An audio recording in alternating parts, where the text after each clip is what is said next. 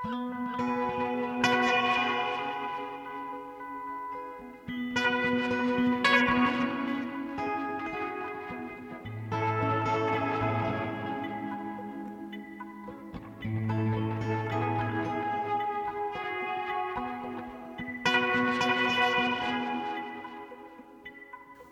og sæl, kærulustendur, myndlistarmenn ársins, háttíðar fyrirlestur reillistarinnar og Guðrún Helgadóttir í Víðsjá í dag.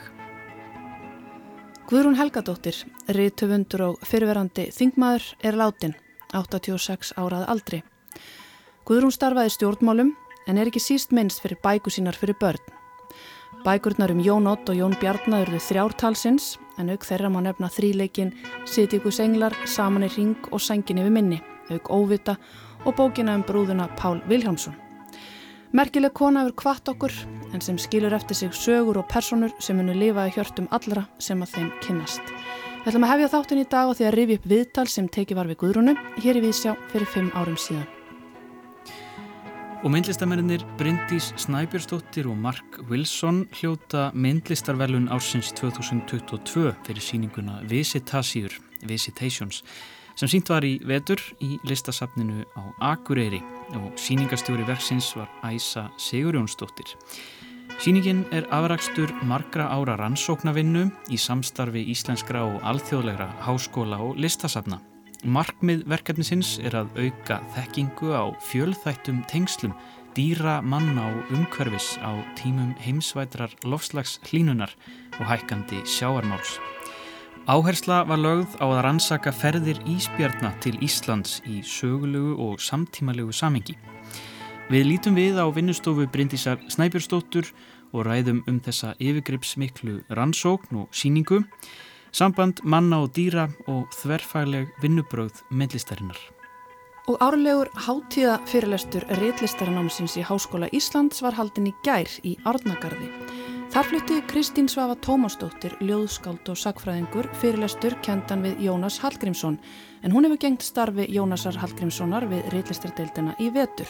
Þar talaði Kristín um aðferðir og markmið við endurvinnslu teksta í samengi við ljóðabókina Hetjusögur sem kom út 2020. Við sláum á þráðandi Kristina Svöfu setna í þættinu. En við byrjum þáttinn á að heidra einn af okkar ástsælustu rittöfundum, Guðrúnu Helgadóttur. Við grípum niður í viðtal sem Halla Þórlegu Óskarsdóttir tók við Guðrúnu þá nýkryndan borgarlistamann þann 19. júni 2017.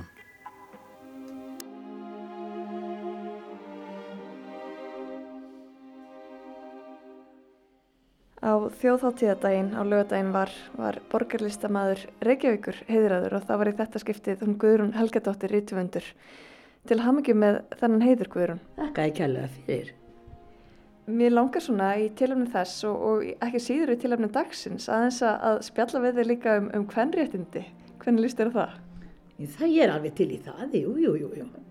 Þetta er auðvitað mál sem að snettur okkur allar Algjörlega. og öll. Algjörlega. Heldur betur. Þannig náttúrulega hittir naglin á höfuðið eins og svo ofta áður. Það snertur okkur öll, ekki bara allar. Akkurat. En, en, um, en þú, varst, þú varst nú með þeim fyrstu konur sem sátu á alþingi. Já, þú ert hvað, ellefta? Já, við vorum þrjár þegar ég settist inn á þing. Já. Og þá var, skal ég segja þér, nýbúið að búa til hvenna klósett á alþingi. E, það hafði verið upp, á, upp í Hanabjálka, einhver kró sem konur gáttu farið á en eh, klósettið var auðvitað bara fyrir kallmenn en eh, sem sagt það var búið þegar ég kom að búa til hvenna klósetta á þingsalarhæðinni já, okkur þótti það mikil tíðindi En var, var konum annars meinaður aðgang að, aðgangur að kalla klóstinu eða hvað, hvernig var þetta? Ég held að þær hafa bara ekkert lagt í að fara þar inn í skálanar og allt þetta til erandi Já Ég veit það ekki náttúrulega, ég var ekki á þingi þá sko. Nei En nú spyr ég bara eins og kannski einhver spurði á þeim tíma, hvað varst eiginlega viljinn á þing? Það var óskup einfalt. Eh, ég held að það liggi kannski í, í okkur öllum að vilja láta eitthvað gott af sér leiða. Já, ég náttúrulega var mjög ung þegar að átökunum herstöðina eh, voru hér í gangi og við vorum afskaplega mörg sem náttúrulega vorum á móti veru hersins á Íslandi og ég tala nú ekki um þegar þeir eru að faldra að reyka ameríst sjónvarp á, í Keflavík á þess að við hefðum aðgangað íslensku sjónvarpi svo leiðis að það var margt sem að svona hvatti mann áfram í þeim málum. Nú ég fór að skrifa svo litið um þjóðfélagsmál í þjóðviljan sem var svona var hér rótæka dagblad en nú svo spannst það svona smám saman þannig ég gekk í allþýðbandalagið og uh, var svona virkur félagi þar. Og einhverjum dætt svo í huga bjóða mig fram til borgarstjórnar og 1978 þá er ég kjörn í borgarstjórn en 1979 verða óvært kostninga til alþingis og þá hérna ákváðu nú félagar mínir að tefla mér aftur fram því að það var talið að það var gengið til dala vel í, í borgarstofnumkostningunum. Nú ég hafði unnið í tryggingastofnun ríkisins í mörg ár og haft svona veg og vanda því að leiðbeina fólki sem átti erfilegu með kerfið og var vinsæl af því áraðarlega. Það var nábyggilega meðal annars það sem að svona kveikti eh, glætuna hjá félögum mínum að verið sniðut að hafa mér frambóði. Já. Nú svo hann áttulega, eh, árið 1974 hafðu þeir bræður, sérinn mínir Jón Ottur og Jón Bjarni komið á, á þrygg og þeir gerðu mig nú ekki minna vinsæla. Svo leysa þá var ég nú orðin bara ansi upplæður kandidat sko. En, en tölum aðeins meir um barnabækur, Hva, hvers vegna láð það fyrir þér að skrifa fyrir börn? Hvað, hvað dreif þig áfram í þeirri vinnu? Eh, þegar ég byrjaði nú á því, eh, þá hérna eh, hafði ég nú ekkert fengist við að skrifa hennar bækur, ég hafði bara skrifað skrifa svona greinar í, í bladið mitt og svona.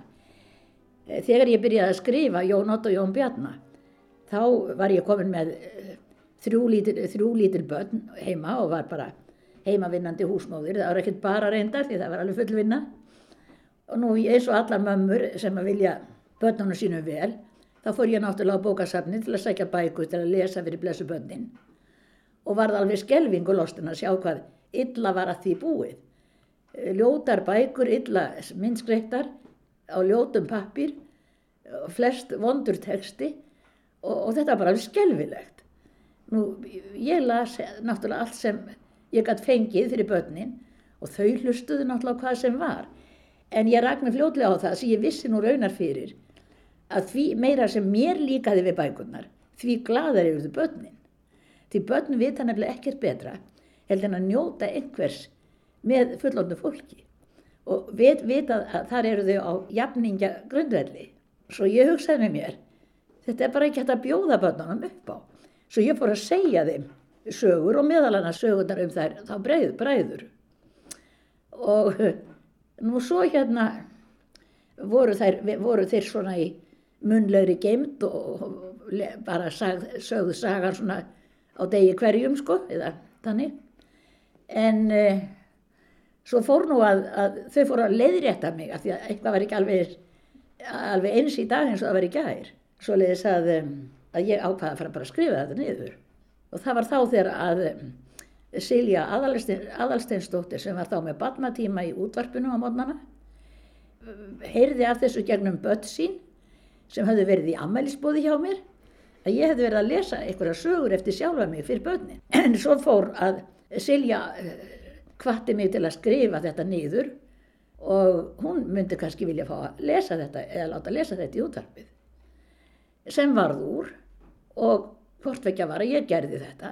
Og Steinun Jóhannesdóttir, leikvana og rítumundur, hún las fyrstu bókina. Og þetta gerði, satt að segja, alveg ótrúlega löku og það var, var ekki, leið ekki að löngu ára en að Valdemar Jóhansson í yðunni ringdi í mig og spurði mig hvort að hann mætti skoða þessa bók. Og ég sendi honum handritið. Og ég held að það hefði verið daginn eftir sem Valdimar ringdi og við vorum að borða kvöldmatt ég mann man, man alltaf eftir þessu þegar Valdimar í símanum og ég fór svaraði nema það að já það var mjög hlægilegt. Valdimar hafi spurt um rítöfundin og það fannst börnunum alveg ægilega hlægilegt. Nema það að rítöfundin fór í síman og þá sagði Valdimar hvort vildu að ég hafi skrítið með, með einföldu í eða uppsulóni og ég sagði býtu Valdimar fyrirgeðu en þá var hann sérst búin að taka ákverðun og var strax þannig að ganga frá þessu til brettunar Já, þannig að þú, frett, þú frettir þetta bara svona gegnum síman við Já, já, eiginlega Svo lesa, þannig gerðist þetta nú sko Já. eins og margt í mínu lífi svona, helmingurinn hefni og hittu tilvíljanir. Eh, Þú talaði nú um að líkillin væri að börnin og, og, og fullorinn getur skemmt sér saman yfir. Og mér fannst nefnilega svo ofta fullorði fólk eh, sko, talaði niður til batna, talaði um börn við aðra svo þau heyrðu og síndu þeim satt að segja afskaplega oft lítilsvirðingu. Svo náttúrulega ingangurinn í þessari bókum Jón Otto og Jón Bjarnar er auðvitað að, að hérna börn eru líka fólk. Já. eins og annar ágættur höfundur sagði, Stefán Jónsson. Eh, Og ég held að það sé nú kannski svona megin inntak af því sem ég hef skrifað. Þetta er nú orðnar hvað 25 bækur. Að börn eiga auðvitað alveg, alveg skilið þau lífsgæði sem að allir telja sjálfsögð fyrir hérna fullorðnu.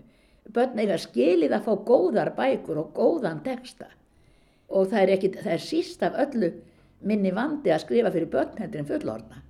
Ég held að það sé meiri, segja, meiri vandi, raunar. Því þar hefur maður svona ákveðna ábyrð sem að maður hefur kannski ekki svo eh, nákvæmlega þegar maður skrifa fyrir fullorðna. Sko. Eh, Svo er nú annað bara, ég man svo óskaplega vel eftir því hvernig var að vera barn. Ég hef bara aldrei glemt því. Eh, Mér finnst ofta þessu fullorðu fólk sem búið að stengleima öllu sem það stóð fyrir þegar það var eh, lítil börn. Ég man þetta allt saman eins og það hefði gerst í gær. En hvernig finnst þér þróun barnabóka í dag? Fylgjastu með barnabókum? Já, mjög vel. Sko, ég held að íslenska þjóðin hef ekki gert sér grein fyrir því lít átak var unnið í þessum efnum. Eh, kannski átti ég svo lit- lítinn þátt í að fólk uppgötvaði að það var bæði hægt að selja miklu betur góðar bækur heldur en vondar. Það er nefnilega eina af þessum, þessum legum kapitalismans að almenningur vilji lélega hluti. Almenningur vil nefnilega góða hluti. Og upp úr þessu var það, ég hef stundum sagt að ég hef verið þannig heppin svolítið, ég, ég var eins og bíklarnir, ég var, var á réttum stað á réttum tíma. Þannig að ég kom alveg ofan í þessa kröfu um að vanda betur það sem að væri borðað á borð fyrir börn. Og þar áttur ótrúlega mikinn þátt í endurbótum, fyrsta lagi bókasafsfræðingastjettin sem allt í einu var orðin háskólamentuð og kunni sitt fag og ég tala nú ekki um kennarastjettina sem hefur náttúrulega verið óþreytandi að halda eh, góðum bókum að börnum.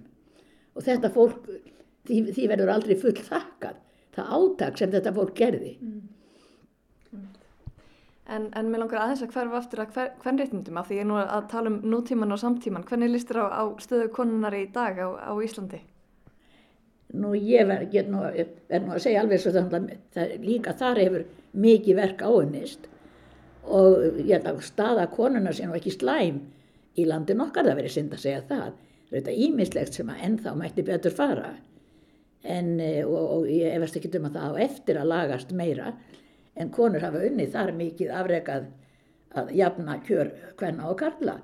Þó ennþá sé munur í launum og, og náttúrulega kannski mæðir nú húshaldið víða meira á konum en köllum en allt er þetta nú upp, á- upp á við þegar ég var með elsta son minn á vöggustofu og ókonum þar í, þangað í barnavagni dag hvern að e, það hefði liðið yfir mig ef ég hefði séð kallmann koma með badsitt í barnavagni á vöggustofu það, það var óhugsandi Já. Það var bara ég algjör, held að algjör enginn fjárstæða. kipi sér upp í það í dag Nei, aldrei ekki heldur. En um, svo við hverfum aftur bara til æsku vo- vorra tíma. Hvers vegna, Guðrún Helgadóttir, er mikilvægt að lesa fyrir börn? Það er aldrei of snemma farið að lesa fyrir börn. Lesturinn þroskar börnin, veitir þeim bæði málþroska og andlegan þroska og allan átt. Auk þess sem ég held að það efli ást og væntum þykju. Uh, í fyrsta lagi á, á þeim sem les, sem er þá væntanlega foreldri sem að leifir barninu að hallast upp að hlýju fangi sínu og hlýða á sögu eða, eða horfa á bók og svo landi sínu og þjóð og, og, og íslenski tungu. Og þetta skiptir náttúrulega óskaplega miklu máli. Fyrir nú utan að því yngri sem börnin eru því þau læra að meta bækur því betri lesendur verða þau síðan meir. Mm. Og ef við ætlum að halda tungumálun okkar í, í við, Þannig að við eigum áfram íslenska tungu og tölum hana og skrifum hana. Þá verðum við að byrja á því að kenna börnunum að meta hana og elska hana.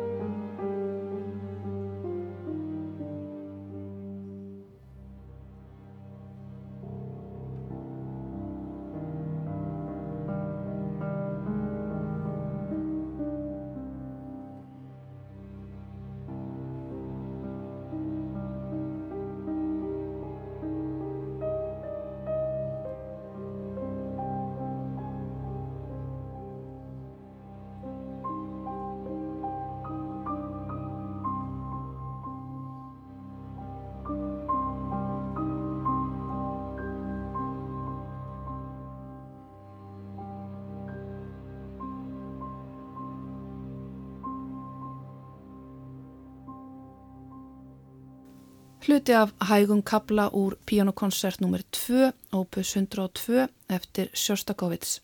Hér á eftir brotum úr viðtali við Guðrunu Helgadóttur Rítuvund en hún hefur kvart þessa tilvist.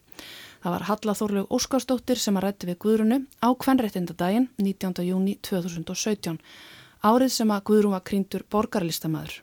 Við þökkum Guðrunu fyrir ríkidæmið sem að hún færði okkur allar sögurnar og gæðastundirnar sem þær gáfu og haldi áfram að gefa. Og það er eflaust viðjandi að vísa í orð Forsetta Íslands, Guðuna T.H. Jóhannessonar, þegar hann veitti Guðrúnu Helgadóttur sögusteinin heiðursvelun Ibbi árið 2018. Um leið og hann þakkaði henni fyrir bækurnar sem hún gaf þjóðinni, sagði hann að endingu Þú ert okkar Astrid Lindgren og Tóve Jansson. Það eru orðasönnu og við tökum undir þau. En Þá hugum við að öðrum. Árlegur hátíðarfyrirlestur reitlistanámsins í Háskóla Íslands var haldinn í gær í Árnagarði. Þar flutti Kristín Svafa Tómasdóttir, ljóðskáld og sagfræðingur fyrirlestur kendan við Jónas Hallgrímsson. En hún hefur gengt starfi Jónasar Hallgrímssonar við reitlistardeldina í vetur. Við slóum á þráðin til Kristínar og spurðum hana fyrst hvernig reynslan af því starfi hefði verið. Hún er bara búin að vera reikalega skemmtileg sko. Um, þetta er, það sem ég var að gera var í rauninni að ég var að kenna uh, eitt námskeið við reillistina sem er ljóða námskeiðið sem er hérna bóðið upp á þar reglulega. Þannig að það var þetta ljóðlista námskeið sem ég var að kenna og fekk svo að vera í þessari fínu stöðu samtliða. Akkurat. Og hvernig finnst þér uh, reitlistinn og henn, hlutverk hennar í, í, í dag? Þetta er, þetta er námi sem hefur rókið upp í vinsaldum og það er uh, fjöldi fólk sem sækir uh, í þetta nám. Hvernig, hvernig finnst þér? Hvernig tólkar þú þetta nám? Mér fannst bara rosalega gaman að fá svona smá insýn inn í það. Ég uh, sjálf ekki, var sjálf ekki í reitlistinni í, í háskólanum en Ég eh, náði, þegar ég var að læra sagfræði í háskólanum, þá, þá náði ég að taka hins vegar þetta, þetta sama ljóðagerðanámskið hjá Sigurður Pálssoni sem að kendi það svo lengi og uh, var hérna afar vinsell kennari. Um, þetta er stóri skór sem maður er að fylla í þessu ljóðagerðanámskið og ég náði að taka það á sínum tíma þannig að það er mjög skemmtilegt að geta, geta svo verið komin í stöðu kennarans. Og það er, er bara mjög skemmtilegt að fá eins og ég segja, að fá svona smá insinn inn í þetta nám og hópin bara mjög fjölbreytur hópur og fólki sem að kemur þarna inn og uh, það var bara svona góður hópur sem að ég var með í, í ljóðlistanámskeiðinu og bara, uh, já, bara hérna mjög skemmtilegur hópur þar sem fólk eru auðvitað á svona mismunandi stað, gagvart kannski ljóðlistinni. Sem er eru orðinir mjög þjálf, þjálfuð ljóskáld og, og eru bara í þessu og ætla sér, að, ætla sér að vera í þessari deilt og svo eru aðrir sem voru kannski bara að prófa í fyrstu skipti að, vera að ljóð. Þannig að það var líka mjög skemmtilegt, einmitt mjög bara svona fjölbreytt. Fólk náttúrulega kemur kannski á pínu um, með svona ólík markmið og ólík áhuga mál inn í námið sem að uh, ég held að geti bara verið gefandi líka Akkurat, það er allir með sitt veganæsti. En tókst þú með þér úr, úr kjenslunni hjá Sigurði Pálssoni eða var, er hann óhjákvæmilega hérna, allt um líkjandi í, hann verist vera svo vinsætl og, og hérna, áhrifamikill?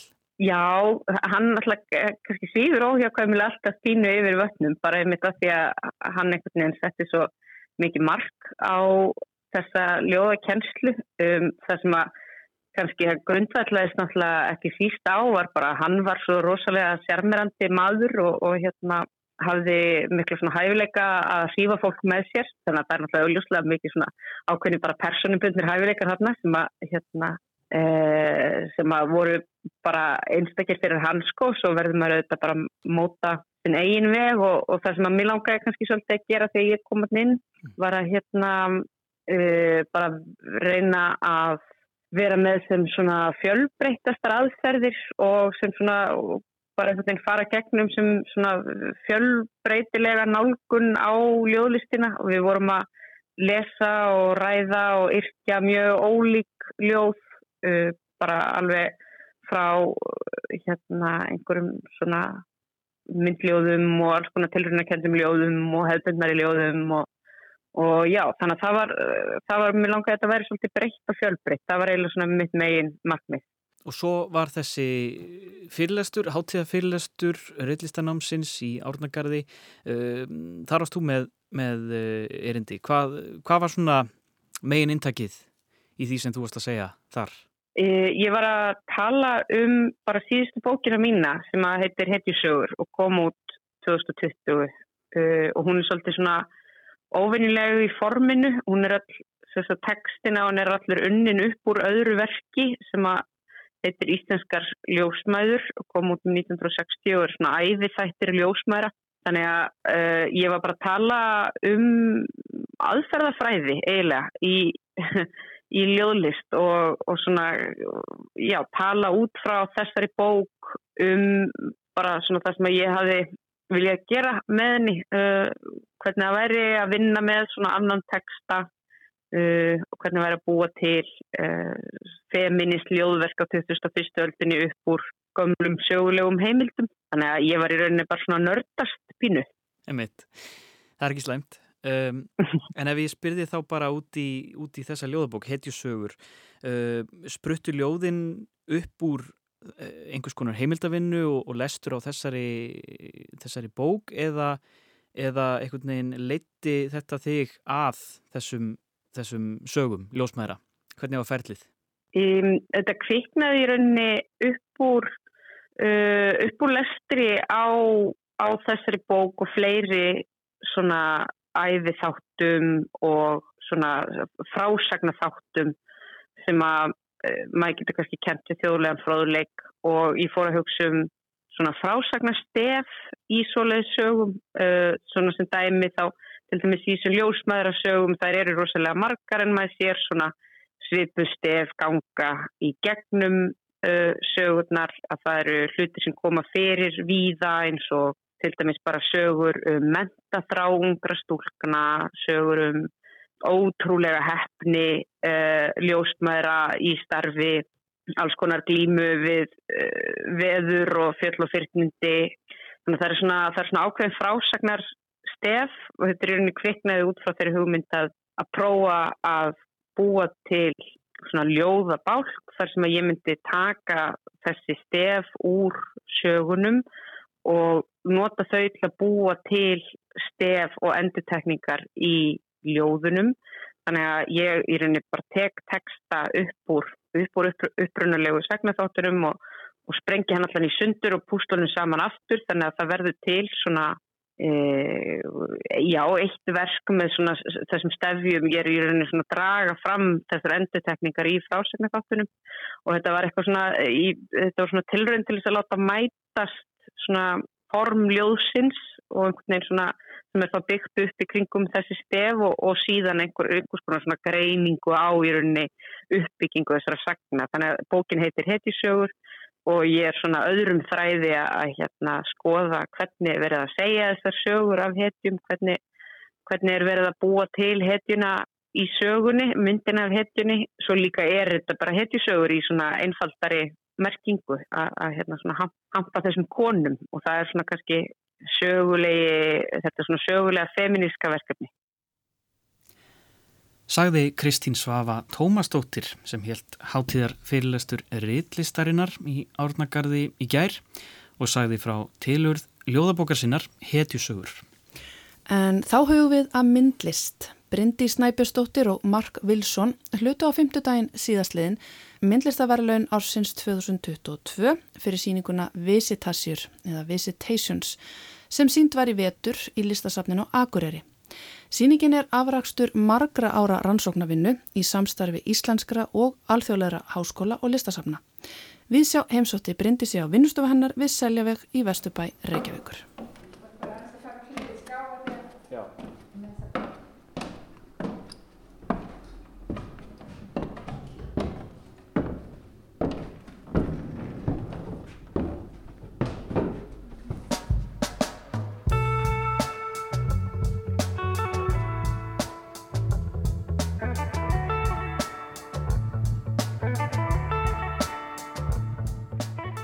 Árið 2022 eru myndlistamenn ársins þau Bryndi Snæpjustóttir og Mark Wilson fyrir verkið Visitasjur, Visitations sem sínt var í vetur á listasafni Akureyrar. Og ég er komin hingað á vinnustofu Bryndísar, við erum að selja veginum. Bryndís, takk fyrir að taka á móti mér og, og til hamingju með velunin, þetta hlýtur að vera góð tilfinning eftir alla þessa rannsóknar vinnu sem er hérna baki og, og allan undirbúningin Jú, þetta er það, þetta er alveg bara, ég get eiginlega ekki, já ég er ekki til orð að lýsa bara hvað þetta, mér finnst þetta bara ánægilegt og, og mikil virðing og sérstaklega það sem þetta eru velun sem að, það sem að, að koma frá fólki innan þess geira sem maður er að vinna inni, þá finnst manni það vera alveg mjög, mjög mikilvægt. Visitasjur, Visitations, getur aðeins sagt mér bara frá uh, upphafið þessarar rannsóknar. Þetta er, þetta er fyrsta rannsóknarverkefnið á sveiði myndlistar sem fær uh, styrk frá Rannís og það til þryggja ára. Hvernig, hvernig hófst þetta allt saman? Ég meina þetta, á, þetta ásið náttúrulega rosalega langa sögu hjá okkur í raun og veru. Að minn við byrjum að vinna á þennan hátt sem við vinnum. Það er að segja sem við hefum verið að skoða svona samband mannsins við dýr og þar hérna var svona í, í, í kvítabjörnin eða Ísbjörnin, er mismunandi hvernig við segjum, að hann syns, kom mjög snemma inn í þetta vegna þess að, að, að í raun og veru þá tengtist svolítið að nafninu mínu, ég er bjólingi Glasgow mm. og hérna og, og það var síning sem að reyndar var bæði á Íslandi og í Glasgow en, en það voru svona áherslan á hjá þeim sem voru, að, þeim listamennum sem þar voru þá var áherslan á við ættum að skoða okkur svona sjálf í Glasgow og, og, og ég hefði verið svona svolítið svona först á því að fólk gæti nú búrið þetta eftirnafn mitt rétt fram, Snæbjörnsdóttir. Þannig að ég fór svona eitthvað að velta mér upp úr því og, og fann þessa íspyrni þarna ákvað það ég ætlaði að fara bara að fyrst að taka ljósmyndir af íspyrnunum sem voru í safninu, í, í náttúrfræðisafninu hluta, eða þess að það er Kelvingrum í söm í Glasgow og hluti af því er svona náttúrfræðisafn mm. En þegar ég, þegar ég fer þangað, hef samband við það og þetta er náttúrulega á þeim tímum, þetta er sko bara rétt fyrir, þetta er 1999-2000 sem ég er að vinna í þessu ja. og þá hérna þá var maður með sko myndavél sem að, veist, svona analóg myndavél, þá voru þetta, þetta var svona alveg allt, allt annað, er svo skrítið að maður hugsa tilbaka, hvað þetta búið að breytast mikið. Já.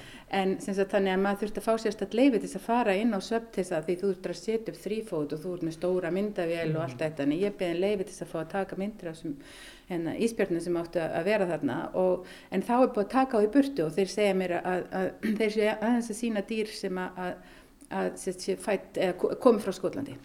Og fyrir mig svona í þessum hérna svona þetta snerti svolítið svona þennan hérna postkolonial hugsun sem að e, ég vinn mikið inn í. En ég veist um, mm, vá.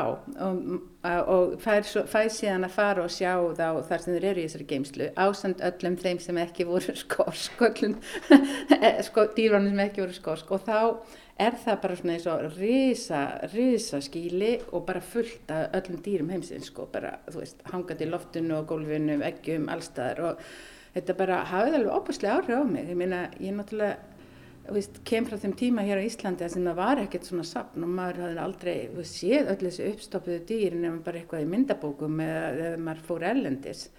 Og það, þau bara slefti mig lausri hérna inni og ég var að íta í burt ykkurum flóðustum og, og, og ljónum og ykkur og maður snertaði þessi skinn og, og bara alls konar spurningar kom upp í huga minn, býtu, hvað er þetta?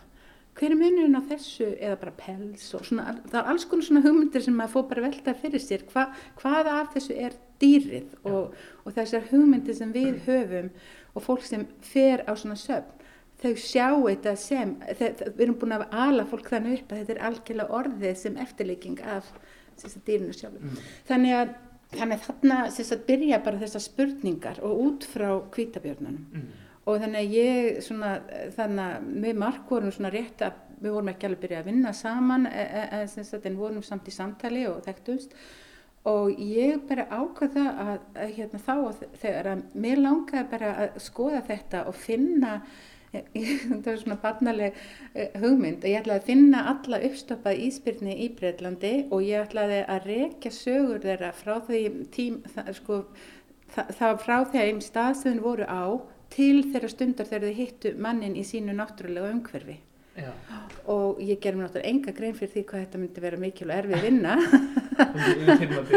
Þetta var, en þetta var bara eitthvað ég, bara, ég fann svo mikla bara já, svona einhverja réttarkendi eða eitthvað, já. þetta var ekki rétt að, veist, þau eru búin að þjóna þessu hlutverði og núna eru þau orðin bara á vissanhátt svona, eh, sko, við viljum ekki vita af þeim lengur að því að þetta er eitthvað sem við gerðum í sögunni sem við erum ekki svo eh, hérna, ánað með að við fórum og skutum öll þessi dýr til þess að við getum svona sett upp einhvers konar, hérna, hvað segir maður, diorama eða eitthvað slíkt hjá okkur.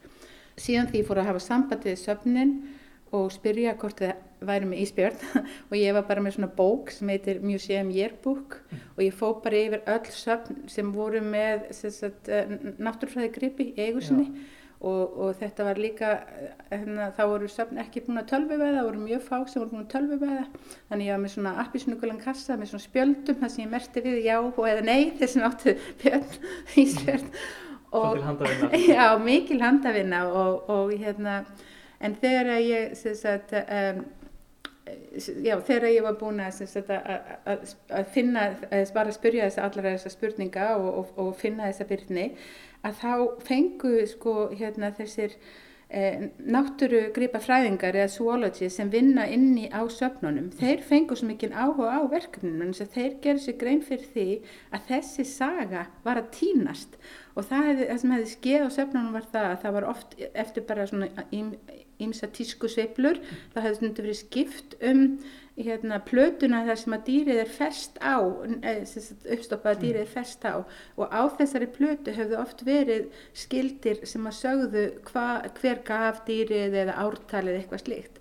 En tí, þetta var að tín, hafði týnst, þannig að þeir byrjuðu að fara að leita að öllum þessum upplýsingum og fundu gömul bref og alls konar hluti. Mm. Þannig að þarna dætt maður ofan í hvað var áhagast að sjá hvernig listin hérna, sko, hún svona tegði ángan sína inn í aðra greinar.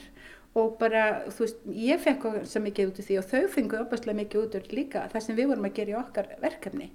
Og til dæmis Sam Alberti sem er umsjónum að eru stóri safni í London, hann hefur sagt það ofinbjörlega að verkefnið okkar var hluti, listaverkefni var hluti að því að breyta aðkomi safna til náttúrugripa í, í, í, í safnum Breitlands. Þannig að, veist, þannig að þetta, þetta varði einhvern veginn svo mikið og opnaði svo marga leiðir og út frá þessu fór maður náttúrulega að spurja einmis að annað spurningar sem leiti okkur inn í annars konar samband okkar við dýr. Viltu kannski bara segja mér aðeins fyrir þau sem veit ekki hvað, hvaða nákvæmlega getur líst síningunni? Já, já, eins og segja, við hérna sko, í verkefni sjálfu þá vorum við sérst að vinna með allar þessar komur eða útrúallum sem komum og það tók, uh, það tók langan tíma að, að, að að kortleggja þessar, þessar komur. Þannig til að sumta þessari vinnu er búið að, vinna áður en við fórum mjög djúft í með okkar teimi e, þá fórum við mjög djúft í þessar sögur og þar komið að líka þessar þjóðsögur sem hafa ekki áður verið svona kortlegaðar á, á þennan hátt í gegnum e, Kristinn Skram og hans teimi sem vann með honum inn í þessu verkefni. Og það, við, við reyndar á síningunni á Akureyri, í listsafninu á Akureyri, þá settu við þá vorum við búin að setja upp svona kort sem að var, á, var aðgengilegt fyrir hérna gesti þannig að þau gáttu farið að svona stórum skermi og, og klikkað á ákveði fótspór sem var mert á ákveðinu stað á landinu og þá opnaðist upp bæði á íslensku og ennsku þar sögur sem að við höfum fundið sem tengdust þessari viðkomandi komu. En þessi vinna, hún er, er búið að vera opuslega mikil og laung vinna og ég vil bara segja það út frá þessari, þessu eru hluti sem okkur langar að vinna með meira í, í framtíðinni. En til þess að, að gera þessa síningu að, að því sem við vildum gera úr síningunni þá ákveðum við að, að einblina svolítið mikið og aðalega á á tvo, tvær komur til landsins það var sérst árið 2008 þá komu þarna tveir kvítabirnir mm. eh, kvítabirna og björn þau komu sérst fyrir norðan að, að raunni í Skaga og á Skaga og á Þverarfjalli og þetta var bara rétt þarna, þetta var í júni rétt fyrir eh, 17. júni eða þetta birnan sem kom að, að raunna Skaga kom á, eða, á, eða kom kannski aðeins fyrir en hún var skotin á 17. júni En þannig að við sagt, fengum lánað uh, á Náttúrufræðistofnun Íslands, fengum við lánaðar beinagrindur uh, af þessum kvítabjörnum. Mm. Þannig að við settum þær sagt, inn í síninguna ásamt uh, verkum sem við unnum út frá tannrótarsínum sem að Karl Stengrinsson, vísindamæður frá áskólunum sem vinnur á Keldum, hann hefði gefið okkur aðgang að þessum, uh, hérna, þessum tannróta sínu sem eru bara pínu lítil svona uh, litla flögur sem eru tegnar úr tannum á kvítabjörnum til þess að aldurskreina þau. Og hann er búin að vinna mikla rannsóknir sem tengjast þessu sem að segja bæði til um aldur og ímislegt fleira sem að ásist staði lífi kvítabjörnana á, á þeirra æfi skeiði og við sagt, fórum inn í, fengum aðganga að, að smásjá og ljósmyndum þetta í mörgum, mörgum pörtum sem við síðan settum saman í svona klippimynd.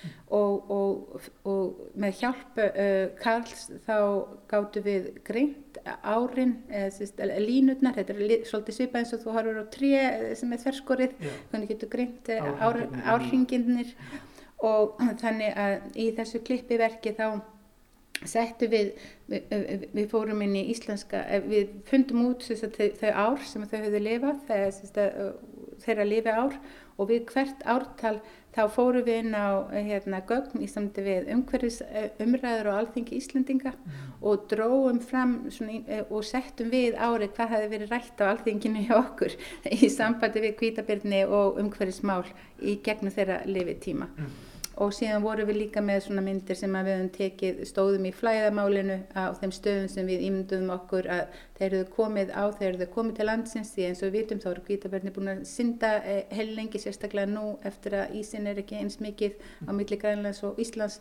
eru búin að synda í langan tíma og við svona vorum með myndir sem, sem voru teknar frá því að við stóðum í flæðamálinu og horfum inn í landið mm. sem svolítið sem við höfum svona haft áhuga á.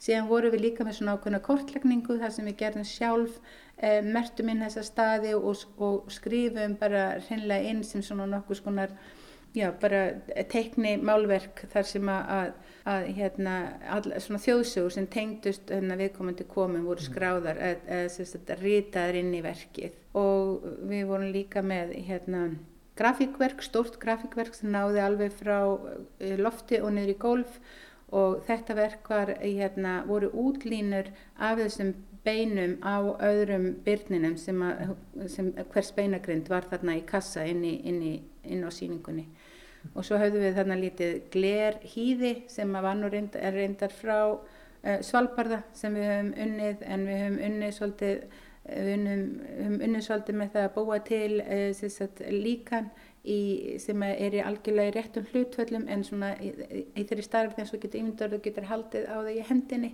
Þannig eitthvað sem er kannski veist, 15 metra langt er allt einn bara orðið sko minn en metir þú veist en hlutföllin er þau sömu. Við vorum með það, það þannig líka. Og svo má náttúrulega ekki gleyma því að, að hérna að það voru tveir fyrrvændi nefnendur eh, mínir eh, Sabine Fischer og Marja Sjöp Davísdóttir sem að, að, hafðu verið að vinna með okkur í verkefninu og hjálpa við eh, svona hluti í rannsónferlinu þær voru með lítið verk inn á þessari síningu líka.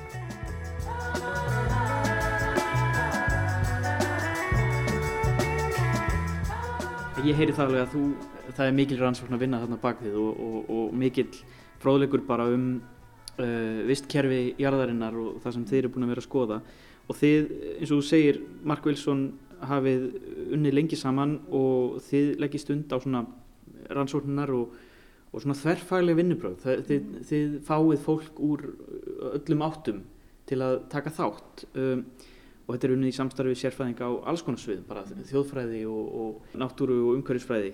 Hvernig er svona samstarf, hvernig er svona samsöða þekkingar sviðana? Ég meina þetta er náttúrulega, um, þetta er mjög mismunandi og við göngum aldrei að þessu, þú veist, uh, uh, við erum ekki að reyna að vera einhverjir sérfræðingar inn í annara manna uh, fögum, þú veist, eða inn í öðrum fögum. Þannig að við erum alltaf með það alveg á reynu að við erum að nálgast þetta út frá listinni. En auðvitað gengur það mjög semla á það að það ofta skapa svolítið traust. Traust bara að þess að, að, að listin minna, og hún verður náttúrulega að fá að vera svo leiðist líka. Hún, hún er ekkert alltaf, lætur ekkert alltaf vel að stjórn. En, en það, þáttur, þáttur verður að fá að vera þarna. En, en okkur hefur bara fundist þetta bara að vera rosalega, rosalega gefandi. Mm. Og ég minna mjög samt hver þú ert. Ég held að til dæmis við höfum verið svolítið heppin í samtíð við það að vinna í, í, í bandaríkjónum þá einhvern veginn þá verðist vera meira svona fólk, eh, vísindamenn eru afslappaðri gagvart listamennum og þeir sjá mm. kannski meira hvað listin getur líka gert í að opna annars konar leið inn í þeirra eigin vísindaheim en þess að margir eru þannig að þeir eru að byrta þessar greinar sem þeir þurfa að gera til þess að komast áfram í sínum fögum en innan háskóla samfélags, samfélagsins en það eru almenningur er ekki að lesa þessar greinar mm. Og, og kannski, þær eru kannski ekki drosa aðgengilegar heldur mm. og þannig í gegnum listin og þetta listin kannski sé bara eitt svona snertipunktur inn í að þá getur hún opnað einhvers konar áhuga og annars konar samtal í kringum rannsóni sem að önnur fögur að gera. Mm. Þannig að, að ég, og, og fyrir mér þá finnst mér bara rosalega, og ég mark líka að okkur finnst bara opastlega áhugavert að vera að gera list þar sem að við erum líka að, veist, að fá inn, inn til okkar alls konar upplýsingar og nýja hluti sem við, við vissum ekki áður, sem við lærum í gegnum verkefni sem við erum að vinna með. Mm og nú um, viðfangsefni ykkar er að hluta til bara náttúran sem áundir högg að sækja og mm. við, við hefum sög í máli þar mm. og hvernig eh, þannig að þetta hlýtur þá að vera hlutverk listarinnar þegar kemur að öllu þessum vísindagreinum og, og rannsóknar sviðum þar sem verður verið að kanna náttúruna og, og hegðun okkar manna og dýra mm -hmm. og, og samspil alls þessa að hlutverk listarinnar er einhvern veginn að miðla og fá okkur til að skilja allt þetta allar þessar ansvonir Já, sko, minna listin kannski sko, við höfum alltaf við höfum alltaf í okkar list forðast það að vera svona með svona kannski beinslókan það er, e, það er ekki beint eða slagorð fyrir að gera, mm. það er ekki beint það sem að, að, að við við höfum ekki sett okkur beint inn í, inn í, inn í það umhverfi, við höfum frekar reynd að að svona finna leiðir til þess að, að þar sem að svona rými fyrir samkend eða einhvers konar annars konar sín opnast hjá áhörfundunum mm þannig að, að á þann hátt sjáu þau þá ef þetta er eitthvað sem kemur efnið kemur út úr einhvers konar um, hugmyndum eins og umhverfisfræðin eða þannig að þau sjáu þau finnir sína sín á, á, á viðkomandi málefni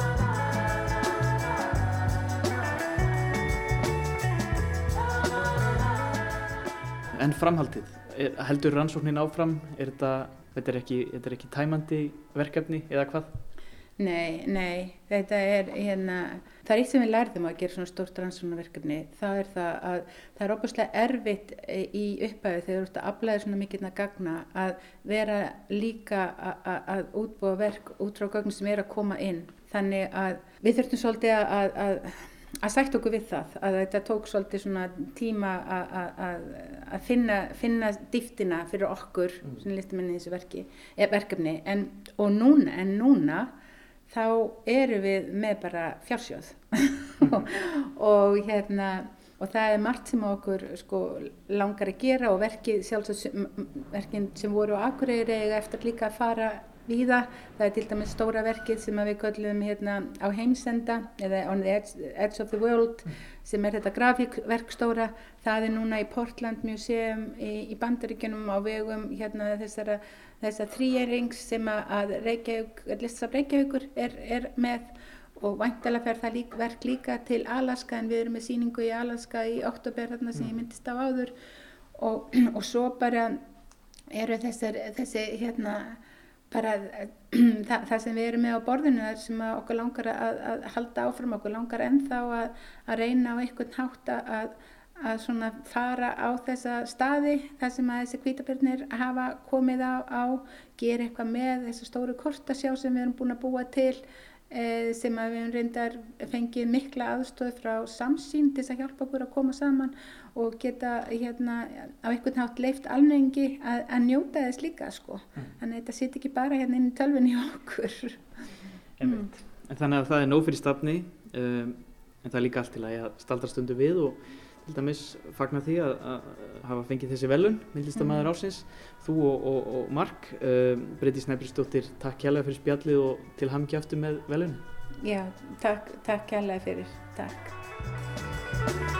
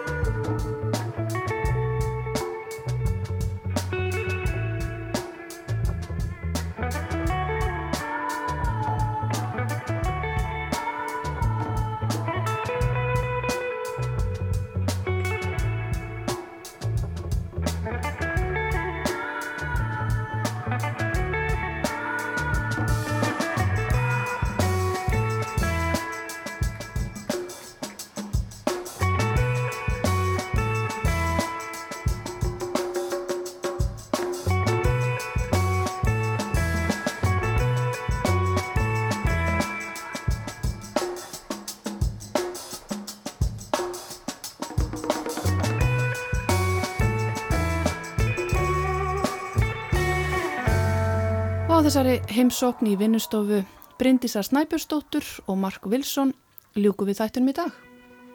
Takk fyrir samfélgina, við verum hér áttur á sama tíma á morgun. Verðið sæl. Verðið sæl.